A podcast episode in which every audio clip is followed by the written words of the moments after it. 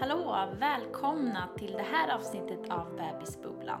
I veckans avsnitt så ska ni få lyssna på hur det lät när jag träffade yogalärarna Jenny och Cecilia som också är duon bakom podden Yogiskt, en podd om yoga och meditation. Vi pratade en del om deras egna upplevelser men vi rörde oss mest runt gravidyoga och graviditeter och förlossningar ur ett yogiskt perspektiv. Alltså enligt yogisk filosofi. Det var så kul och peppande att få träffa Jenny och Cecilia. Så jag hoppas att ni också gillar det ni hör. Så nu kör vi veckans avsnitt. Men lite är det nästan en, en, en feministisk fråga, eller inte lite, det är ju det. Att, att vi Ja. faktiskt eh, mår Slut. bättre om vi Ja. preppar och peppar varandra Ja. istället. Hjälper till och inte... Alla graviditeter är olika.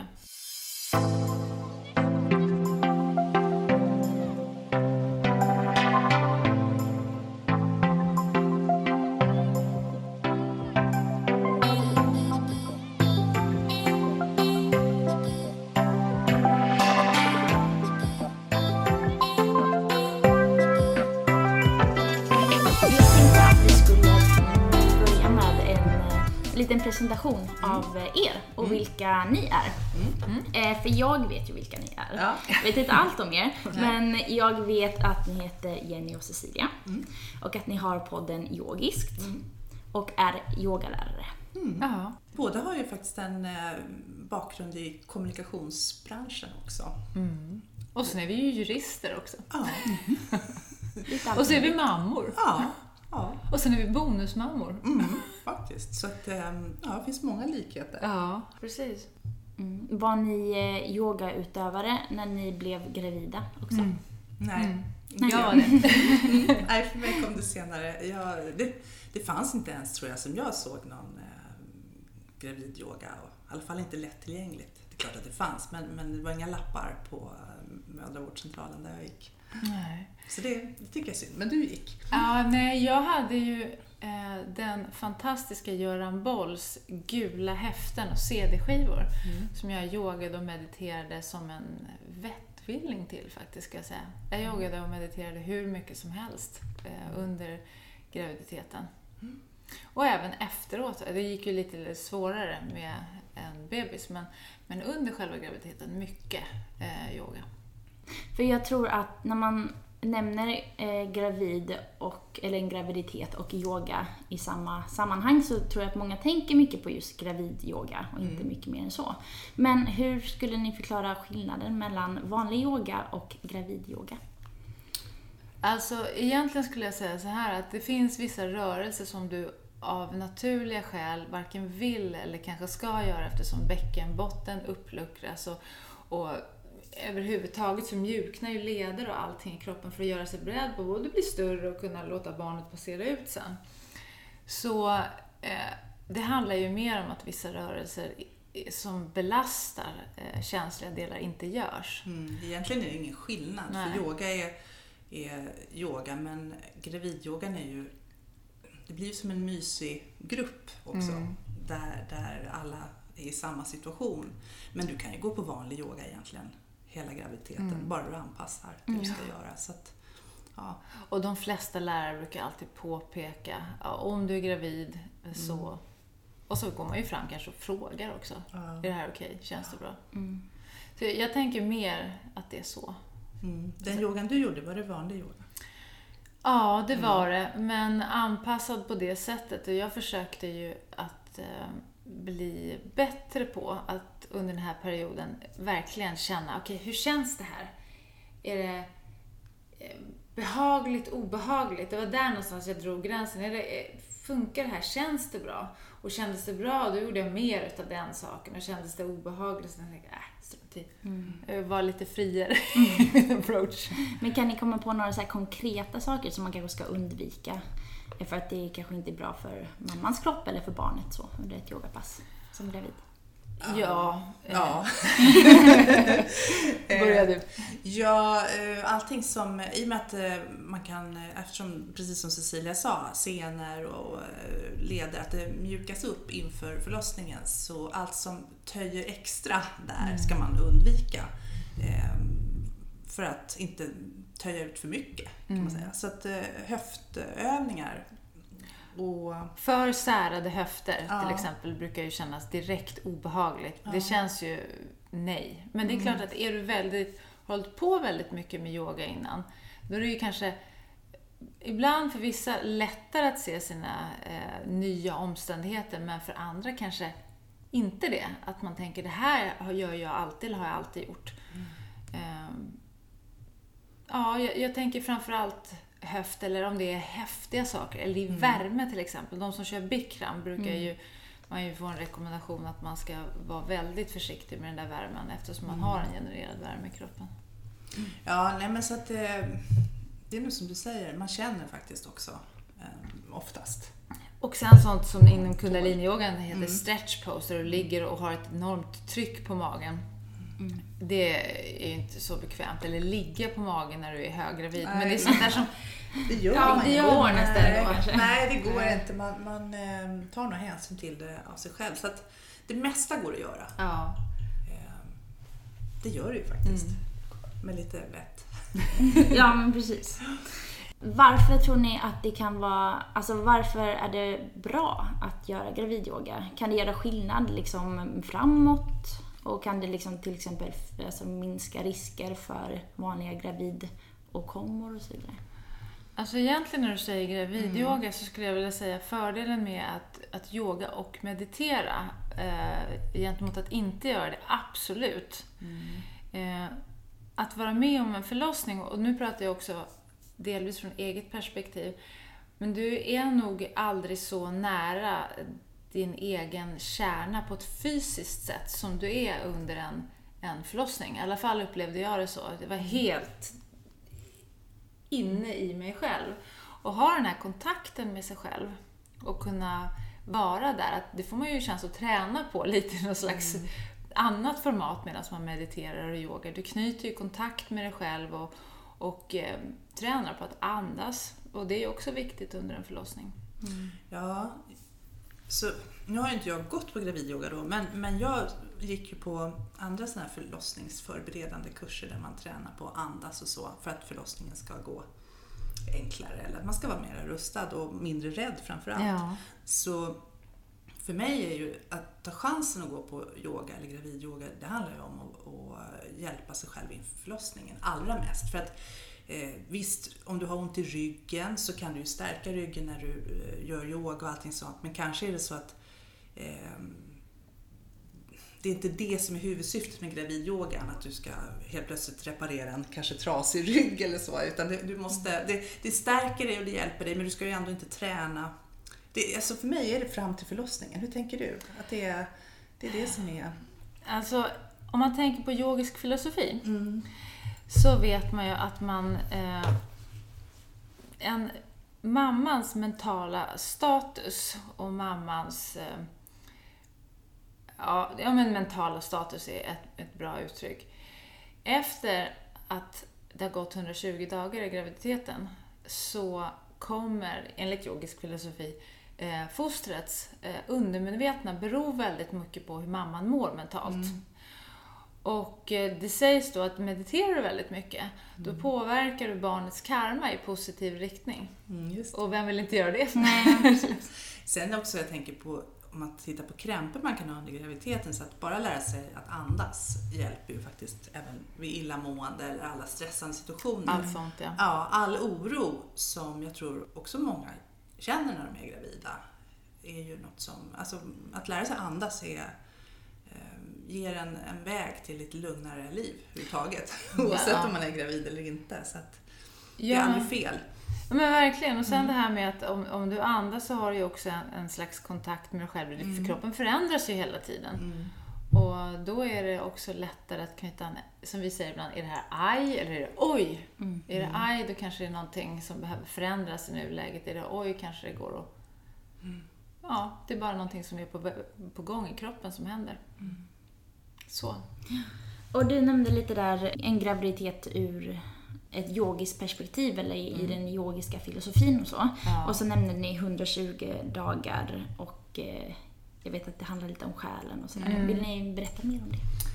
Ja, eh, en själ bestämmer sig i, enligt eh, yogisk filosofi att den ska inkarneras, den ska komma till jorden. Eh, och den bestämmer tiden, platsen och föräldrarna sägs det. Eh, och eh, mellan befruktelse, befruktelse, befruktningen Ja. och den 120 dagen så finns det, alltså då har den här själen absolut haft kontakt med fostret menar man. Eh, men det, det är liksom inte påverkat av mammans mentala status eller jordens elektromagnetiska fält eller någonting. Det är en slags free agent. Mm, den finns inte där. Den finns inte där riktigt ännu. Men eh, från och med 120 dagen, då bebor själen, som ju är vårt sanna jag, den här kroppen. Och det firar man ju också. Det är en liten fest för mamman Yogisk där. baby shower. Ja, precis. Så bra. Jag frågade Rita, Ja, en ja, kollega till en oss. kollega, när hon var gravid och hon hade lite party och så frågade jag, kände du någon skillnad? Liksom, Mm. den dagen då som själen skulle komma flygande. Hon var såhär, ja fast mitt yogapass gick ovanligt lätt den dagen. Det var liksom Ja. väldigt sådär eh, flyt i allting. Så jag vet inte. Men, men, eh, Det var inte bara en person, utan det var två personer som Ja, gjorde precis, det. precis. Det var lättare att, att göra allting. Ja, nej, men det är en fin, eh, fin tradition. Ja, och den är ganska symbolisk också för, i alla fall om vi pratar för kundaliniyogan, hur man ser på mamman och den moderliga kraften som, som skapande och som kreativ på alla sätt och vis. Och, och eh, att kvinnligheten och moderskapet förhöjs i sin status och, och eh, upplyfts. Det menar man ju att det tjänar alla på. Det är någonting som är bra för mannen, det är bra för barnet, det är bra för mamman och det är bra för mänskligheten mer eller mindre. Så därför vill man eh, fira det. Sen så efter 120 dagar och framåt tills man föds, då är som precis eh, det här med att hur mamman mår påverkar barnet väldigt mycket och det är ju inte så konstigt. Det sker ju massa hormonella förändringar i kroppen under hela den här tiden. Så det är klart att delar man kropp, man delar föda, man delar allt så, så blir man ju eh, sammanflätade verkligen. Och det här är väldigt, väldigt starkt fram tills man föds och så klipps navelsträngen och då börjar separationen. Med lite olika effekter. Jag tänker lite, för det läggs ju ofta ganska mycket så här mammaskuld, eller vad man ska säga. Eh, och om man då inte har mått så bra under graviditeten av andra omständigheter, yttre omständigheter kanske, då blir ju det här en, en liksom ytterligare grej att ta hänsyn till. Att åh nej, nu inte jag bra, nu mår inte mitt barn bra Ja. i magen av det och sådär. Hur ska man tackla det då? Jag tror att man ska ha en, en ingång i att det här med att vara mamma och bli mamma, det är något fantastiskt. Du är ju redan en skapande kraft när du har ditt barn i magen och du kan inte kontrollera alla saker som händer runt omkring dig. Och mammaskuld gör mig... eh, Jag, jag förstår den precis, jag känner, har ju känt den också. Det tror jag nästan alla mammor har gjort på olika sätt och mamma dåligt samvete. Men det är ju... Jag vill inte att ingången ska vara det. Det ska vara mer av en, av en glädje och en, ett, ett firande. För det här är ju helt naturligt. Vår mänskliga fortlevnad beror ju på att det föds barn. Och istället göra det bästa av den här graviditeten och förlossningen man kan. Du tänker att man ska ha som grundkänsla egentligen, Ja. en stor glädje. Och sen om allt runt omkring är besvärligt och, och man brottas med problem så ska man inte låta det bli en extra tyngd.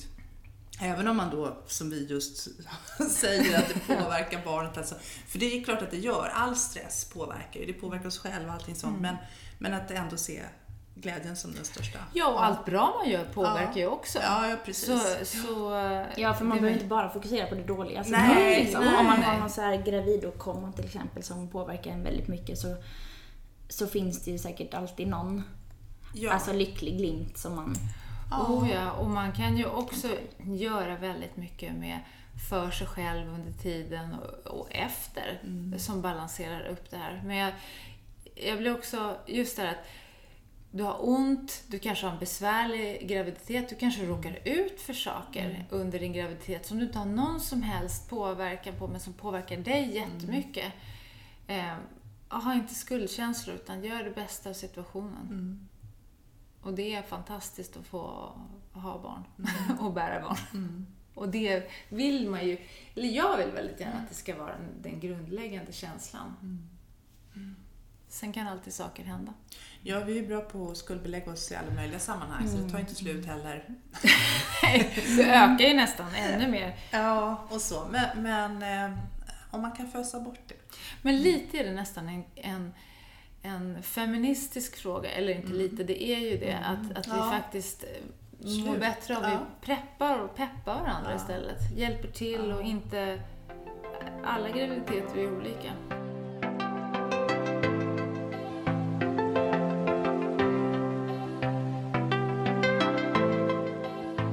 Men om vi tänker eh, graviditeten ur ett eh, yogiskt perspektiv. Även fast man, fast man då inte kanske just tänker så mycket på den här filosofin eller går efter den och så, så kan man alltid ta till sig några delar. Eh, till exempel under förlossningen och så, som kan, kanske kan underlätta eller så.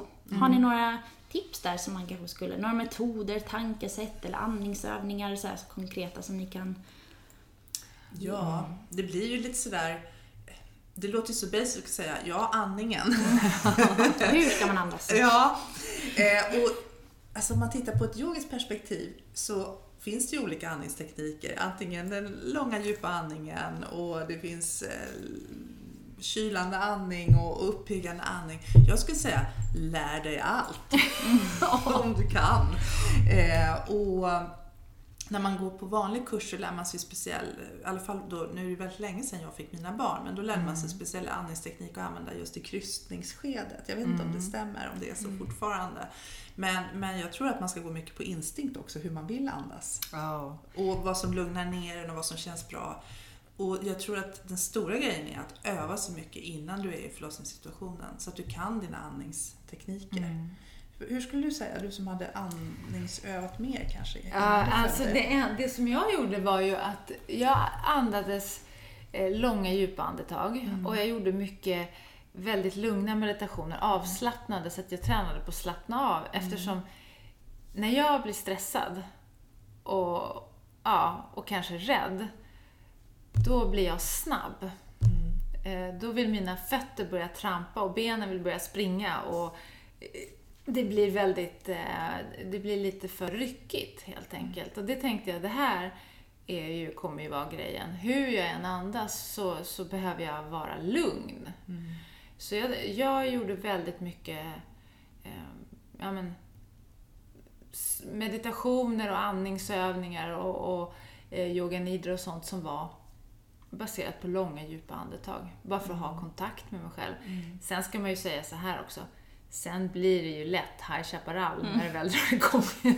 Så det är inte säkert att man, att man kan ta till alla grejer då. Nej. Men ändå, hur mer du har övat innan så det sitter i, i, Mm. ditt, liksom, i din kropp. För att om du ska börja lära dig andas långa djupa andetag på Ja, förlossningsbordet, det lätt. eller vad säger liksom, det, det kanske är, blir extra svårt då. kanske kan bli frustrerande liksom, Ja, mitt i ja. allt. men har man tränat och vet ungefär hur, hur, eh, hur... Och så tror jag man ska träna, om man har en partner som ska vara med så ska man träna ihop så man kan coacha varandra. Ja. Mm. Det tror jag hjälper också väldigt. Men man kan ju bli galen också av sin andandes coach. det finns liksom inga garantier. Men jag skulle ändå säga andning, öva på andningen. Eh, Jo, men det är väl också det att, att eh, eftersom du har smärtvågor och, och sånt som kommer över dig där du är utlämnad till det, så kan du slappna av då så kommer det vara lättare att följa med kroppen. Och det tyckte jag var den stora vinsten egentligen med att ha djupandats och tagit det eh, lugnt för att komma ner djupt i varv. För då kunde jag på ett annat sätt när det, när det väl drog igång. Okej, jag hänger med, jag är närvarande här. Det gör ont, det gör ont.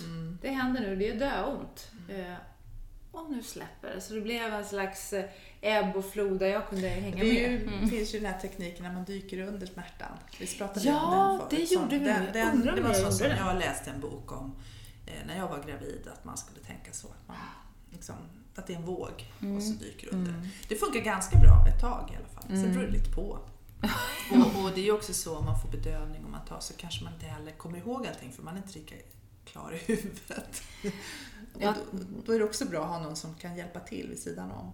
Eftersom tidsuppfattningen är ju eh, något warpad.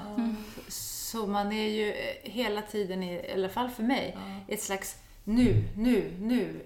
Jag kunde inte se det i någon linjär eh, bild överhuvudtaget. Allting var bara, och så nu, och så nu, och så nu. Staplat på varandra. Det låter som en jättekonstig beskrivning men, men ehm, det var just väldigt, väldigt mycket närvaro och väldigt mycket bara följa med så gott det gick. Mm.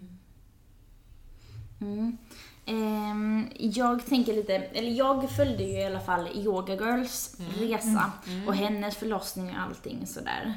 Och jag tror att många kanske kan ha en liten fördom om liksom yogisar. Att det är så här, allt ska vara så naturligt och man ska föda hemma utan någon bedövning och sådär. Hur tänker ni kring det? Är man en dålig yogi bara för att man använder sig av mm, en, Modern bedömning. ja, epidural och så vidare? Ja, men precis. Ja, jag tror ju att det självklara svaret blir nej. Vi pratade faktiskt lite om det innan vi kom hit eller började spela in. att eh, Hur mycket yoga du än har gjort innan och hur, hur yogisk du än är så kan en förlossning bli hur som helst av många olika anledningar.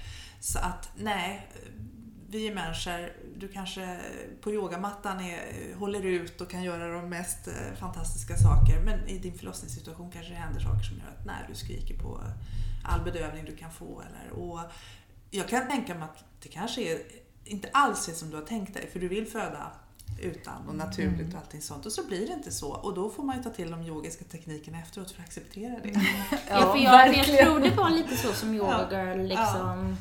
Eh, som, så som det blev för Ja, henne helt ja. enkelt så. Ja. Och jag bara hoppas att, för jag tycker om henne väldigt mycket, jag hoppas att eh, det inte var andra yogisar som liksom la skuld på henne för det här. Liksom, Alltså det, det finns ju kanske alltid människor som vill tala om hur det ska gå till eller som har synpunkter. Men det är ju så individuellt. Man kan ju inte säga att någons förlossning borde vara som ens egen. För vad vet jag om en annan människas sätt att föda? Verkligen. Och man vet ju inte ens själv hur det kommer bli. Och Nej. Får du ditt första barn så kan du inte intellektuellt, hur du än försöker sätta dig in, hur det känns i när kroppen blir övertagen utav förlossningsprocessen, när det händer. Det är ju barnet som sätter igång förlossningen. Och man, man följer ju med till slutet. Så är det ju bara. Och hur man kommer reagera på smärtan, hur stor den kommer vara, det vet man inte innan. Och jag tänkte så här att jag skrev ju som man gör många gånger nu för tiden, ett förlossningsbrev. Så här önskar jag att det ska vara. Eh, och jag önskar föda naturligt. Brasklapp, så långt det är möjligt. Om inte ni som är professionella märker någonting annat. Och det är lite så här, vad är definitionen av naturligt? Det är också så olika. Ja, ja, då alla tänkte jag säkert. ingen smärta, ingen smärtlindring tänkte jag först. Det, det tänkte jag, det kanske man inte behöver. Eh, I alla fall, men jag hade ingenting emot det. Men sen fick jag ju en knack på axeln så här, du, du är lite för trött nu. Vi tycker att du ska. Jaha, okej. Så jag tror att man får det mest yogiska är ju att, att ta det som händer i stunden och göra någonting med det. Ja, och återigen, inte känna skuld. För vem kan döma egentligen? Alltså, och att inte döma sig själv för att det då kanske inte blev som i det här brevet. Och Jag måste säga att flesta man hör, nu gillar ju folk, eller man hör ju oftare sådana här dramatiska förlossningsberättelser än de alldeles, liksom, där det inte händer så mycket mer än att det kommer till en unge. Men, men det, det är ju väldigt vanligt att det inte blir som man har tänkt sig Ja. på det sättet. Att det faktiskt eh, blir annorlunda. Det går fortare eller det går eh, Långsammare. långsammare. Och jag har ju en, en väninna nu vars eh, barnbarn föddes på Danderyds parkeringsplats. Så att, ja, ja, så, och det hade hon ju inte skrivit i sin berättelse Nej, kan jag ju säga. jag vill att alla kommer ut. Ja. Men- Nej, nej. och så. Och det kan man skratta åt nu, men det var en förfärlig historia. Så att det, det, det är... mm, Ja, nej, man är inte en dålig yogi om det inte går som man tänkt. Och varför ska man känna skuld för att Ja. man råkar behöva smärtlindring Ja. eller, eller vad det nu kan vara? Jag tycker det känns hemskt, för det är en så stor förändring ändå i livet att bli förälder. Mm. Och ska man också behöva må dåligt för hur det gick till när det ändå inte är inom ens kontroll? Och sen går det ju trender i allting också, ja. vilka bedövningar som är populära om man får säga så, eller vad som är accepterat. Jag kommer ihåg att eftersom jag, när jag väntade mitt första barn, kastade mig över all litteratur och där hittade jag en amerikansk bok som var jättegammal, som var, eller jättegammal, men den var i alla fall kanske 15-20 år gammal. Och där beskrev man vissa förlossningar när man sövde ner kvinnan helt och hållet. Och det tyckte man var mm. toppen effektivt. Det tog tre dagar. Men, men det kom ut en unge till sist på något sätt, jag vet inte riktigt hur. Men man alltså sövde ner henne. Så hon låg i en säng medan mm. förlossningsarbetet då måste ha pågått väldigt långsamt. Och någon period, i alla fall i USA, så tyckte man ju det här var bra. Ja. Folk nappade. Idag är det ingen som skulle komma på tanken. Nej, men det är ju olika mellan olika ja. länder hur mycket man vill smärtlindra. Och ja, absolut. Men och ibland så pratas det om ja, men eh, ryggbedövning är bra eller ryggbedövning är dåligt. Eller vad man säger. Mm. Det, det, är mm. lite... Vad var inne när du födde barn? Jag vet inte vad som var inne faktiskt. Nej. Eh, jag, eh, jag tänkte mig att ge mig då den där om mm. ni tycker att det behövs, ryggmärgsbedövning. Mm. Men innan dess allt mm. annat. Eh, nästan allt annat. Jag var rädd för att bli stucken med såna här kvaddlar i, i ryggen. Jag fick kvaddlar oh, De gjorde jätteont. Mer smärta för att ja, hantera smärtan, det kände jag. Nej. De gjorde jätteont. Jag vet inte om man använder fortfarande. Jag tror det. Ja, men de gjorde jätteont så att man känner inte förlossningssmärta för att det gör så ont i ryggen. Oh, perfekt! Ja. Ja, bara nypa sig i armen ja. så säger man det. Lite så. Usch. Nej men ja. alltså, det är faktiskt en grej som jag tycker är bra, mm. som mm. jag gillar så mycket med yoga, det är att liksom det är ingen som dömer en. Dels för att man kanske är så himla uppe i sig själv och det är allihopa liksom, så att man tänker bara på sig själv. Men också att man liksom, nej men, man behöver inte fokusera på någon annan. Man kan bara fokusera på sig själv. Om någon annan gör fel så gör det ingenting. Mm. Och den här meditationen och tanken och sådär, det är ju inne i ens eget huvud. Mm. Och där kan ju ingen döma en. Nej. Liksom. Nej. Eller veta om man gör rätt eller fel. Eller sådär, liksom. Man får välja sin egen väg lite. Mm, verkligen. Det är befriande. Ja, det är det. Mm. Man får, man får ta med sig det in i sin graviditet och förlossning också. Ja.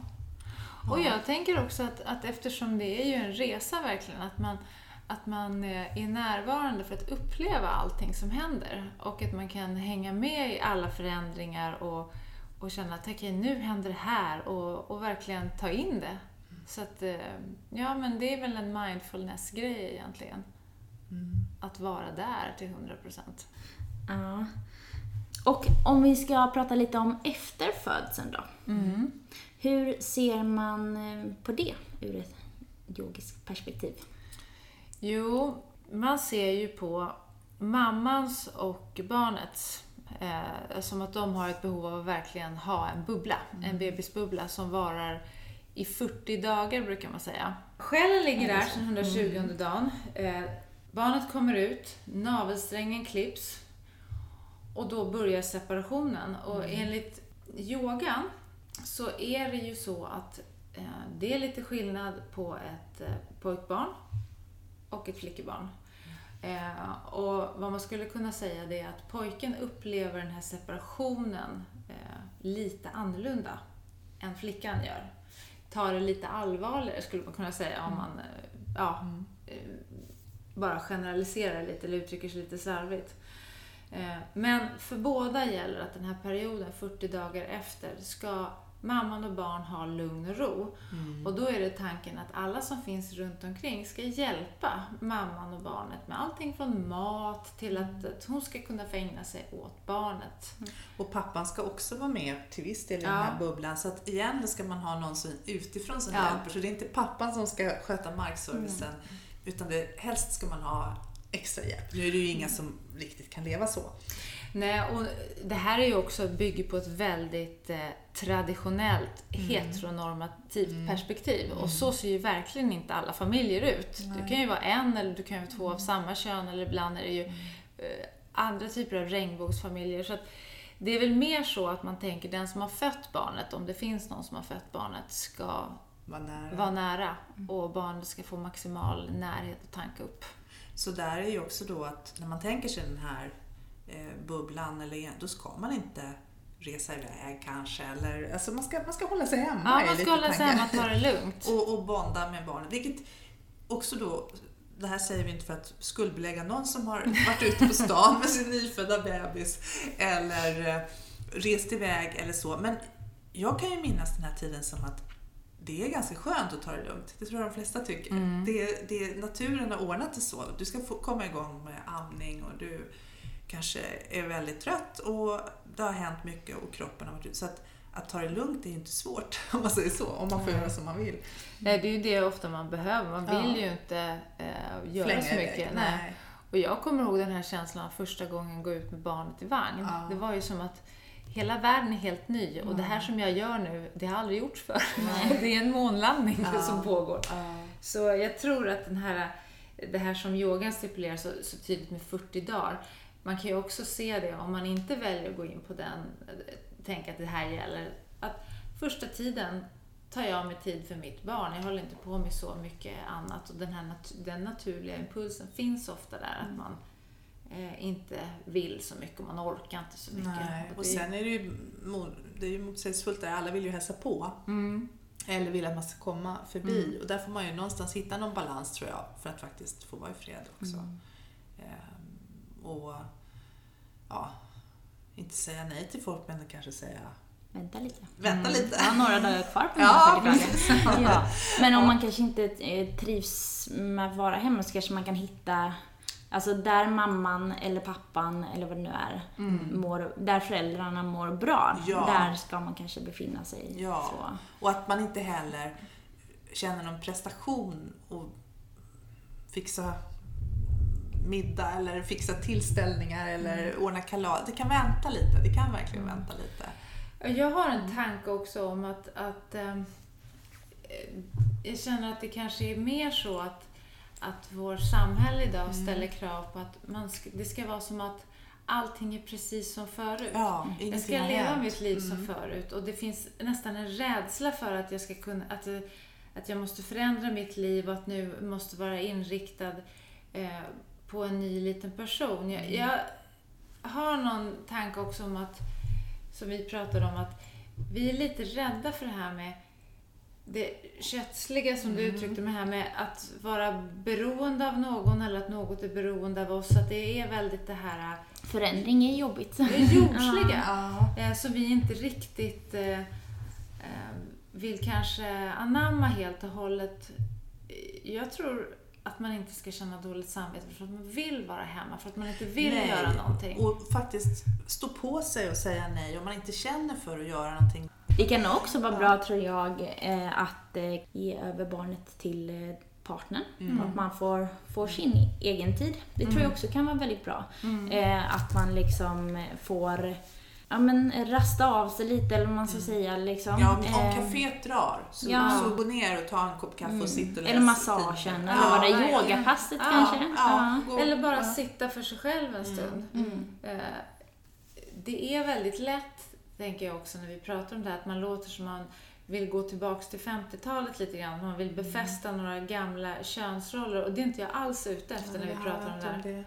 Det handlar mer om den här eh, fantastiska guldbandet som finns emellan eh, det barn man precis har fött. Och såklart mellan pappan också. Men, och enligt yogisk filosofi så kommer ju mammans eh, och barnets, de här 40 dagarna, kommer ju först direkt eftersom barnet faktiskt inte kanske klarar sig utan maten från mamman. Mm. Om det är så att man ammar. Eh, pappan är också jätteviktig.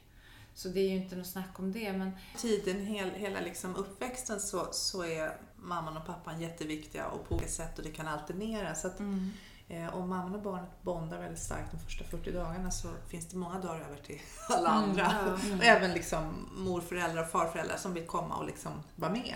Och så min mamma eh, sa till mig, vilket jag tycker är så himla bra, att barn är fantastiskt, det är underbart och det är ett jobb.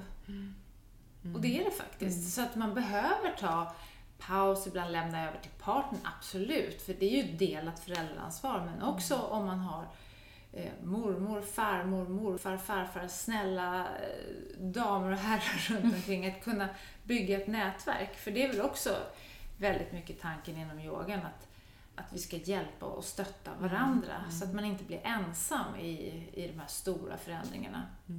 Varav barnafödande absolut är en, men det finns ju fler. Men att, vi, att vi som mer är en grupp.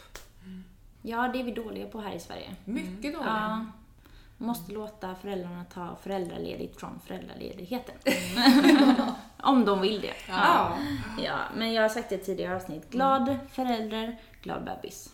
Ofta. Det tror jag också. Ja. Och man pratar ju också om att vad det gäller barnets identitetsskapande sen, så det mesta och bästa föräldrar kan göra, det är att, jag ska inte säga jobba på, men att etablera kontakter med sig själv och bygga stabilitet i sig själv. Både i sin kvinnlighet och sin manlighet, men också att skapa ett så stabilt förhållande sinsemellan som möjligt. Och det gäller även om det är delade föräldrar, att den här relationen mellan föräldrarna är stabil.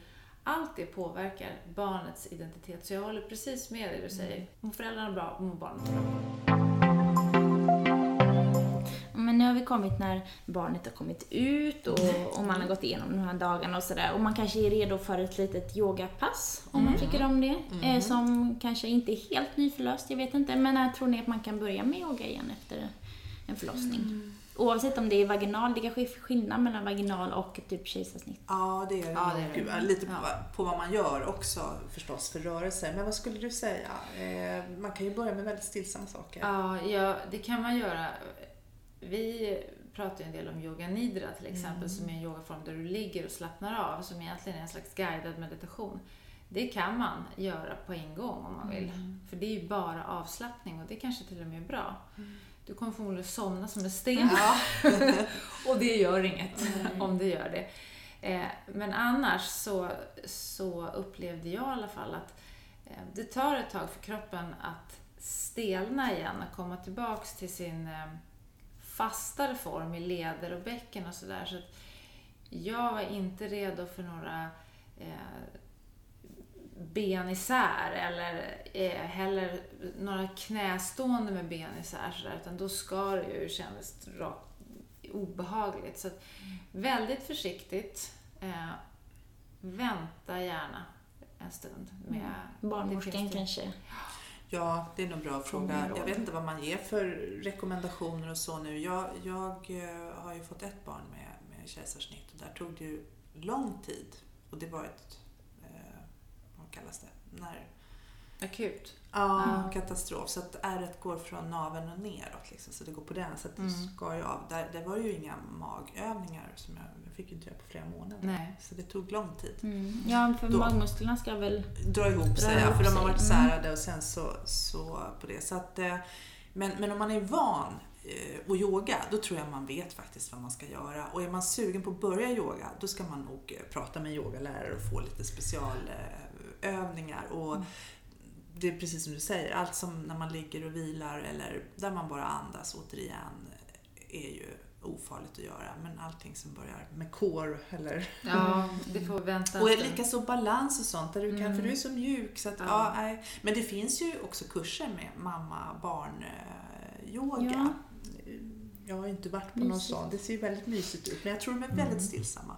Mm. Ja, och jag har varit i närheten av dem, men Mm. inte när jag själv hade Nej. bebis.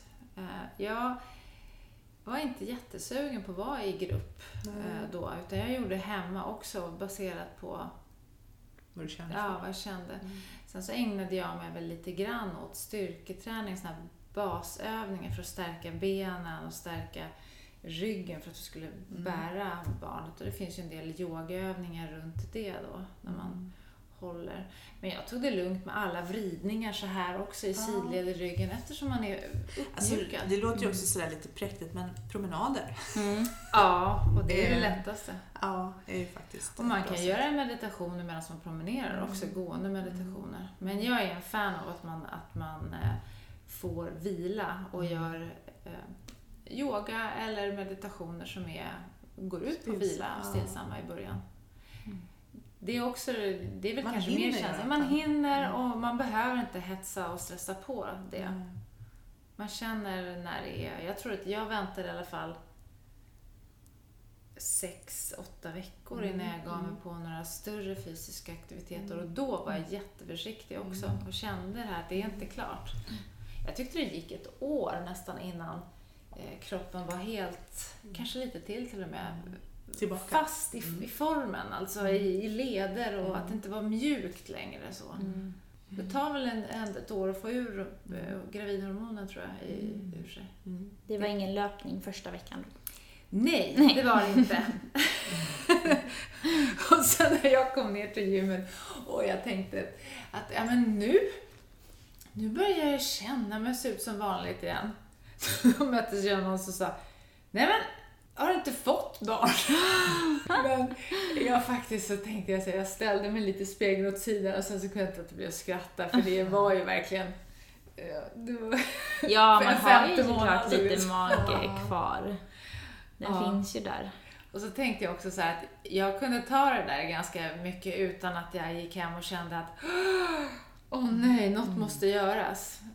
Och jag tänkte om det hade kanske träffat någon som var på ett annat läge just då, då hade det ju kunnat bli hemskt. Mm. Ja, verkligen. Men eh, du som har gjort ett kejsarsnitt, Mm. eh, är magen kvar på samma sätt då också? Eller drar den ihop sig snabbare? Alltså, den blev ju paj. Ja. eh, den blev sig ju aldrig mer sig lik just för att det, det, och det är ju inte, jag tror inte man gör så länge. Ja, kanske om det är katastrof, men de flesta snitt idag är ju små och snygga om, om det är planerat. Så att i mitt fall, jag, jag, jag var ju 23 när jag fick mitt första barn, eller 22 va. Jag tittade aningen besviket eller sorgset på min mage och insåg att den, är, den blir aldrig densamma. Alltså det, det här är något. Men jag var så himla lycklig över min son och det kanske också låter som en klyscha att man står ut med allt. Men jag, men jag vet att jag tänkte så här, ja, nej men så är det. Nu blir det höga bikinibyxor. Eller hel baddräkt. Ja men alltså den prestationen som hela kvinnokroppen gör, det är Ja. ju mycket mer värt än... Ja, och så att Men, det, ja. det, det som händer är att det är svårare att träna den platt för att eh, musklerna eh, inte är som tidigare. Och sen var det ju också, jag tyckte det var väldigt svårt att ha ett stort ärr på magen för jag är lite pjoskig sådär. Så att jag fick ju rådet att massera mitt ärr och det kunde jag inte göra för jag kunde inte ta på det på flera år. Jag tyckte det var så läskigt. Så att det, det, var, det var lite traumatiskt men det var också tror jag kopplat till att det var en traumatisk förlossning och att han höll på att dö och allting sånt. Så att det var liksom laddat det där. Ja, såklart. Ja, men, eh, men nu är jag ganska, ja, nej men det är helt okej. och så. Eh, och nu är ju, Annie är ju faktiskt 30 år så att jag har ju vant mig vid det där rätt, eh, ganska, ganska väl. Men jag kan också se att eh, folk kan undra vad jag har gjort. Liksom sådär, att, för det är inte så vanligt att man har ett så stort ärr på magen. Nej. Det syns att det har varit någonting sånt. Men, så jag, jag kan inte svara. Jag kan tänka att om jag hade varit lite mer så fick jag nästa barn väldigt tätt. Så att jag hann ju liksom aldrig komma igång med någon vidare träning. Och sen fick jag barnet efter, också väldigt nära. så att, Var det också? Nej, det be- Nej. du behöver inte göra kejsarsnitt till. nej, Utan, utan de andra två är födda vaginalt. Eh, vilket jag var överlycklig över att det gick att göra. För jag tyckte, jag, jag, eh, jag förstår att jag behövde snittas, det var viktigt. Men, men eh, som jag mådde efter operationen så skulle jag aldrig... Jag har så svårt de som väljer snitt frivilligt. Jag tycker det verkar så otroligt onödigt. När man har värsta powerkraften ändå. Och få ut ungen på... men jag, jag, jag fattar om man måste och jag fattar om man är rädd. Men, men för mig var det otroligt... Eh, jag blev otroligt lycklig efter min första vaginala förlossning. Så var det så här, yeah. och det hade ändå tagit ett visst antal timmar och varit väldigt besvärligt. Men det var så här, åh, jag är frisk. Liksom, jag hade fött barn och var frisk. Första gången jag fick barn så var jag sjuk efteråt. Jag låg i en sjukhussäng med en dropp. Så, Ja. ja. så det, det var en utläggning. Men min mage, den, eh, den är fin. Ja. Ja. Man kan få förlossningsskador Mm. eh, såklart också med vaginal förlossning och så. Men det blir liksom på andra ställen såklart. Ja, och dessutom är det ju, alltså nu, alltså jag kan ju bli lite oroad när jag läser att förlossningsskador vaginalt, de har ökat. Jag vet inte vad som har hänt idag, i, i, eh, om det är för bråttom eller vad som händer. Så det ska jag inte gå in på, men vad jag har förstått också, det, den delen av kroppen är ju gjord för att läka. Ja. Den, den, du läker ju, om det blir ordentligt, alltså om det inte är några konstigheter och det blir sytt som ska, så läker du väldigt, väldigt fort. Det måste man säga. Ja, så det är fantastiskt magiska krafter även i den kroppsdelen. Ja, verkligen. Eller just i den kroppsdelen. Men, men ehm, för det hade jag inte förstått innan. Nej. Att det faktiskt, jag hade förstått att man kunde få skador, att det kunde göra ont, det kunde vara besvärligt och läskigt och allting sånt. Men att det faktiskt, eh, om det är som det ska, går Ja. fort. Mm. Om vi ändå är inne på era barn Mm. och när ni fick dem. Mm. Yogar era barn? Ja, i alla fall en av tre. Eh, Min dotter har ju fått vara med på yogamattan sedan hon föddes. Hon eh, kan ju ibland titta lite skeptiskt på när jag håller på och tycker att det är lite too much. eh, Sådär. Eh, Men, men hon är ju, har ju verkligen varit i- i det. Men yogar hon själv? Jag ska säga mja. Eh, jag har ju sedan ett antal år gjort en metta-meditation med henne på kvällen, i princip varje kväll, som hon gör, där hon gör efter mig, som en avslappningsövning. Så det är ju en form av meditation. Att det skulle gå så långt så att hon skulle självmant sätta igång med någonting. Mm. Mm, det skulle nog vara en enstaka ginsadel till exempel. Eller någonting sånt. Framåtböjare kan man göra också. Lite mer för stretching. Ja, hon håller på med gymnastik så det, Mm. det är det. Men jag kan ju märka att, att just det här att, att falla in i någonting meditativt i andningsövningar eller i guidade meditationer, det går väldigt lätt. Hon förstår den här ähm, den energin. Mm, det gör min yngste son också Mm. som är den som yogar. Han är ju vuxen nu. Eh, och eftersom de var ju halvstora när jag började yoga så att de var ju allmänt skeptiska. Så att han som sen blev intresserad började ju först när han var vuxen, eller i alla fall runt 20 tror jag. Och då började han gå på mina yogaklasser. Mm. Och det, i början gjorde han det för att vara snäll eftersom det var så få som kom. Nej, han var yngre faktiskt. Han kanske var 16-17 när jag tänker efter. Åh, det är en en Ja, schysst ålder ja, det är att göra faktiskt. så för Ja. sin mamma. Och då var, ja, han var jättesnäll och då var han också väldigt anti. Han brukar sitta längst bak och ibland gjorde han inte liksom vad man skulle Ah, göra ja. för han tyckte att det Det är jättekul. Ja, jag vet. Och så hade han sina liksom, dödsmetalltröjor på. Men, men, Bra kombo. ja, men han, eh, han går hyfsat regelbundet när han kan.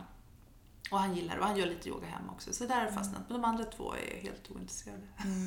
Men du sa att din eh, dotter gick på gymnastik där. Mm. Jag är också gammal gymnast. Och jag vet inte om det är därför jag tycker att yoga är så kul. Mm. För att man är lite automatiskt bra på vissa grejer. Bara för att man har den här vigigheten Ja, i sig. För det är Så alltid det roligare att göra de grejerna som man är lite bra på. Mm. Ja, så kan det Måste vara. jag säga. Eh, ibland så tycker de ju att, att, att höra satt nam, satt nam upprepade gånger är...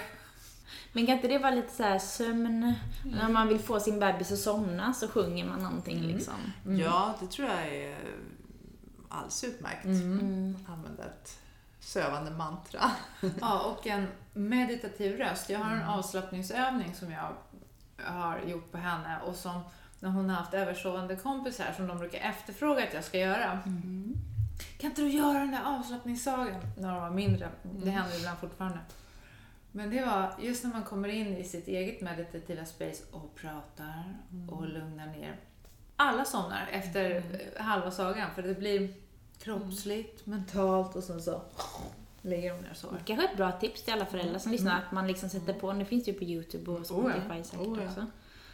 Man vet ju själv, jag har också somnat flera gånger. Jag var på ett yogaläger i Bali. Det var väl där egentligen som jag liksom verkligen hittade yogan på riktigt. Ehm, och typ några månader innan dess hade jag köpt Yoga Girls bok och det var liksom, det var starten kan man säga.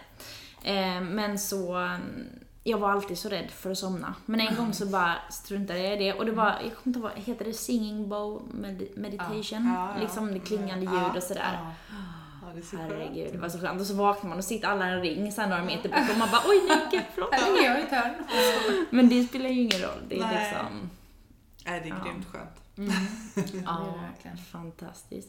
Jag tänkte att vi skulle avsluta med lite kanske boktips eller Mm. yogapasstips till eh, någon som är gravid eller i allmänhet. Mm. Eh, har du några boktips? Säger jag till dig. Eh, eh, det måste jag tänka lite på. Det som jag har egentligen som ett tips, det är att eh, göra yoga nidra. Eh, Och vad är det? det är en, eh, man kan hitta på Spotify, Mm. man kan hitta på Youtube också. Det är en meditation som är guidad som går ut på avslappning. Du kan göra den om du ska somna men du kan också göra den för att eh, komma i djupavslappning. Mm. Eh, Man går igenom kroppen Ja, ofta man går igenom liksom- kropp- kroppen i en kroppsscanning. Mm. Men, men ofta är det ju ihopkopplat med en intention. Mm. Vilket jag tycker är ganska bra om man går igenom en graviditet. Man kanske har en speciell intention runt förlossningen eller att vara närvarande eller vad det Då kan man sätta den eh, upprepade gånger. Är man ganska höggravid, då tycker jag man kan göra restorative yoga. Att man lägger sig i väldigt vilsamma, sköna positioner. Ja, använder Mm. kuddar och bullar upp så att det inte blir ansträngande alls Mm. utan bara skönt. Eh, ja, när det gäller böcker, jag tänker idag så finns ju så mycket information utanför böckernas Mm, jo, värld. såklart. Det Man kan lite så här- surfa runt och så. Och de böcker jag läste på min tid, de var ju de är urgamla nu och det har hänt massor. Så att, eh, ja, jag har inga konkreta boktips. Det finns ju eh, böcker om yoga för gravida. Och om man gillar böcker så skulle jag gå och hugga nästan vilken som helst som den, som man, som man tilltalas av. Där, där, eh, där man får övningar och hela, hela det paketet. Jag har faktiskt ett tips. Ja. Eh, en gammal, gammal är hon ju verkligen inte, en gäst i våran podd Mm. som vi hade som heter Jenny Liljefors. Hon har skrivit en bok ja, om den är ny. ja, gravidyoga, den helande kraften. Den tror jag Tror är den heter. jättebra. Jag har inte Mm. hunnit titta i den, men den såg fin ut i det jag såg på. Absolut, och hon har också väldigt Mm. eh, omhändertagande, positiv, eh, styrkande attityd eh, i sin approach när hon yogar och sen så i eh, båda de två böcker. Mm. Det här är ju en som, den sista som hon har skrivit. Så den tycker jag att man kan definitivt ta sig an. Mm. Och sen ett tips till är ju att gå en kurs. Ja, verkligen. Hitta en lärare som har eh, gravidyoga eller vanlig lugn yoga och eh, prova så. Ja. Mm. Ja, det finns väl på de flesta privata yogastudiosarna och sen så också säkert på några det finns säkert på gymkedjor också om man inte har tillgång till någon sån här. Det tror jag också. Och Ja. de flesta erbjuder i alla fall någon form av lugn yoga. Och Mm. då kan man ju prova med den och se hur mycket det funkar med magen Mm. beroende Ja, på man hur kanske säga till ledaren att så här, Ja. jag är gravid Ja. i den här månaden. Ja, Hur ska kan jag göra? anpassa? Ja. Ja, men precis. Ja. Precis. Ja, Mm. det var bra tips tycker jag. Ja, Vad bra. Ja, jag kan tipsa om att lyssna på er podd också. Ja, men För jag, den är väldigt Yogisk. Ja, och även fast man kanske inte är så här, eh, kanske yogar själv eller sådär, så, så tycker jag att era röster är väldigt härliga att lyssna på. För Åh, de är så här lugna och härliga. Man kan, till och med kan somna till dem. Ja, precis. Lyssna på vår podd och somna. Eh, man kan väl säga att vår podd som började väldigt, alltså den heter ju Yogiskt och vi pratar väldigt mycket om yoga men vi pratar ju mer och mer om livet i stort har vi upptäckt, eller Ja. har vi glidit över. Så att eh, det är en yogapodd men den funkar faktiskt ganska bra även för de som inte är så intresserade av just Mm. yoga. ja, vi pratar ju om förhållningssätt till livet helt enkelt. Ja, hur man ska stå ut. Ja, precis. Hur tacklar man allt Ja. som kommer i ens väg? Ja, men och sen så om man inte tycker att man vill eh, ta med sig allt, Ja. så kan man ju alltid ta med sig något. Precis. Ja, undersök Mm. vad, som, vad som passar just dig, Ja. känner jag. Ja. Och ta till dig det. Mm. Ja, men det är väldigt härligt att yoga. Mm. Jag, eh, när man inte tror att man behöver det Mm. och sen så lägger man sig där och det kanske är då man behöver det som mest. Ja. Inser man sen efteråt. Ja. Man ångrar aldrig ett yogapass. Nej, varje, exakt. varje gång jag tänker så här, "Nej, men jag skippar det. Så är det så här, nej, nu behöver du det mest. Ja. Sluta. Mm. Sluta. Sluta skippa. Lite så. Ja, det är fantastiskt. Och tack så jättemycket för att ni eh, ville vara med i min Ja, podd. Det var en liten en, en dröm för mig. Mm. Tack för att du fick vara med. Ja, det blir